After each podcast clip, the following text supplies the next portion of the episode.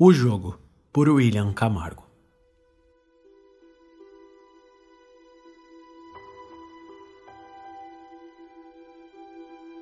Cristina sempre foi uma garota curiosa, mas lhe faltava ímpeto em alguns momentos. Ímpeto que sua amiga Teresa trazia de sobra, e que não havia nenhum em Roberta, a terceira do grupo. As meninas haviam se conhecido ainda no ensino fundamental, e desde então foram um trio inseparável desde brincar com bonecas na infância até compartilhar amores platônicos na adolescência.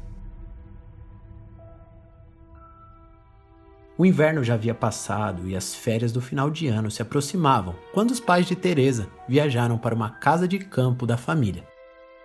E agora, aos 17 anos, a garota podia ficar em casa, desde que suas amigas fossem dormir com ela.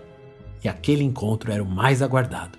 Teresa costumava pegar algumas doses de bebida na adega de seu pai para brincar de eu nunca com as amigas. Mas este ano ela havia planejado outra coisa. Uma prima distante passou alguns dias em sua casa e a ensinou como brincar da brincadeira da caneta. Que consiste em pegar uma caneta esferográfica, retirar a proteção da parte de trás e recolocá-la com um fio de cabelo. Este fio de cabelo serviria para segurar a caneta, que funcionaria como um pêndulo, ficaria pairando sobre uma folha com algumas informações, como números, letras, sim ou não, e posso entrar e posso sair. O mais interessante é que sua prima lhe disse que só funcionaria com o cabelo de uma virgem. Algumas rezas deveriam ser feitas antes do jogo começar e pronto. Algum espírito apareceria para jogar com elas. Suas vibrações místicas moveriam a caneta, pendurada pelo fio de cabelo, até as letras ou respostas que a entidade quisesse. O grande dia havia chegado e as três meninas se reuniram no quarto de Teresa para iniciarem o jogo. Cristina e Teresa estavam animadas enquanto Roberta estava apreensiva e um pouco relutante de jogar aquilo.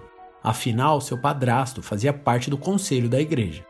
Mas após muita insistência em uns goles do vinho do pai de Teresa, ela resolveu jogar.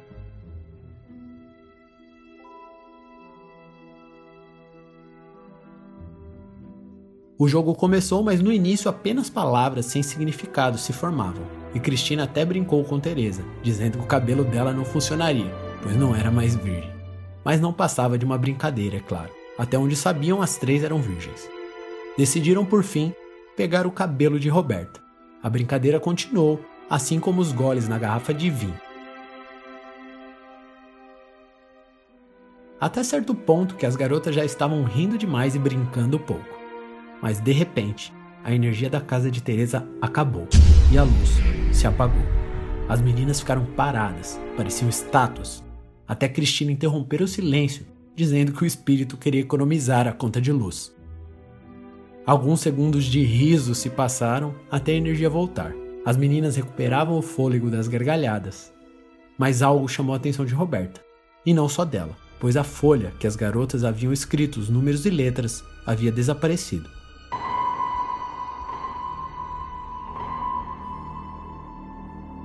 Roberta riu e olhou para Teresa, já esperando a dizer que havia pegado para brincar. E Teresa olhou da mesma forma para Cristina, que estava tão surpresa quanto suas amigas.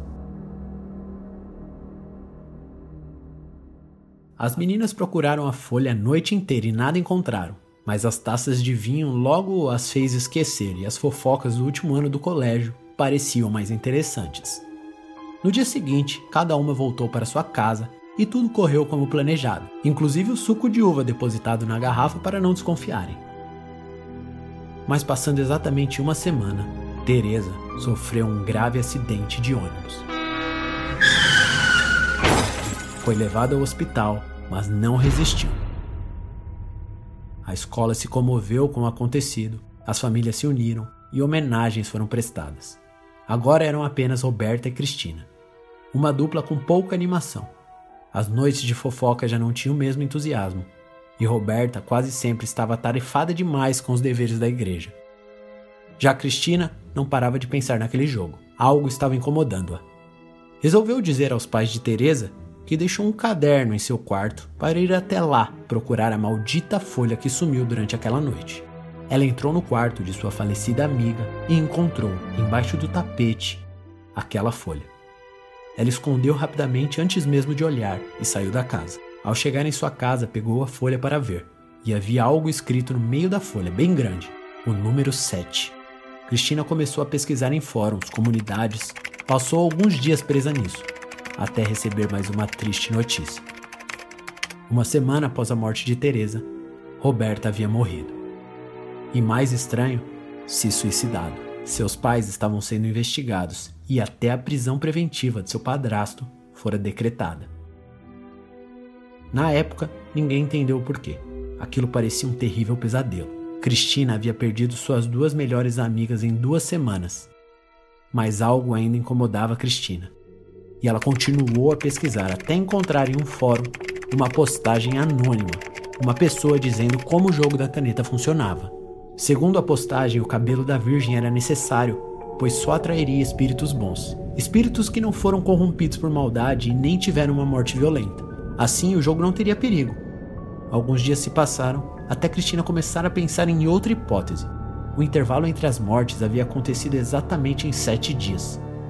E a contar da morte de Roberta, faltava apenas um dia para completar mais sete. Foi quando a notícia sobre o padrasto de Roberta foi divulgada. Roberta havia se suicidado com overdose de medicamentos.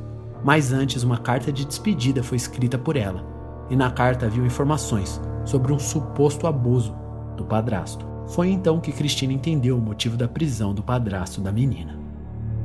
E mais um pensamento lhe ocorreu. Se o fio de cabelo de uma virgem pode atrair espíritos bons, o que o cabelo de Roberta poderia ter feito. E aquele foi o último pensamento que lhe ocorreu, pois um vazamento de gás na casa ao lado ocasionou um grande incêndio, acabando por matá-la asfixiada.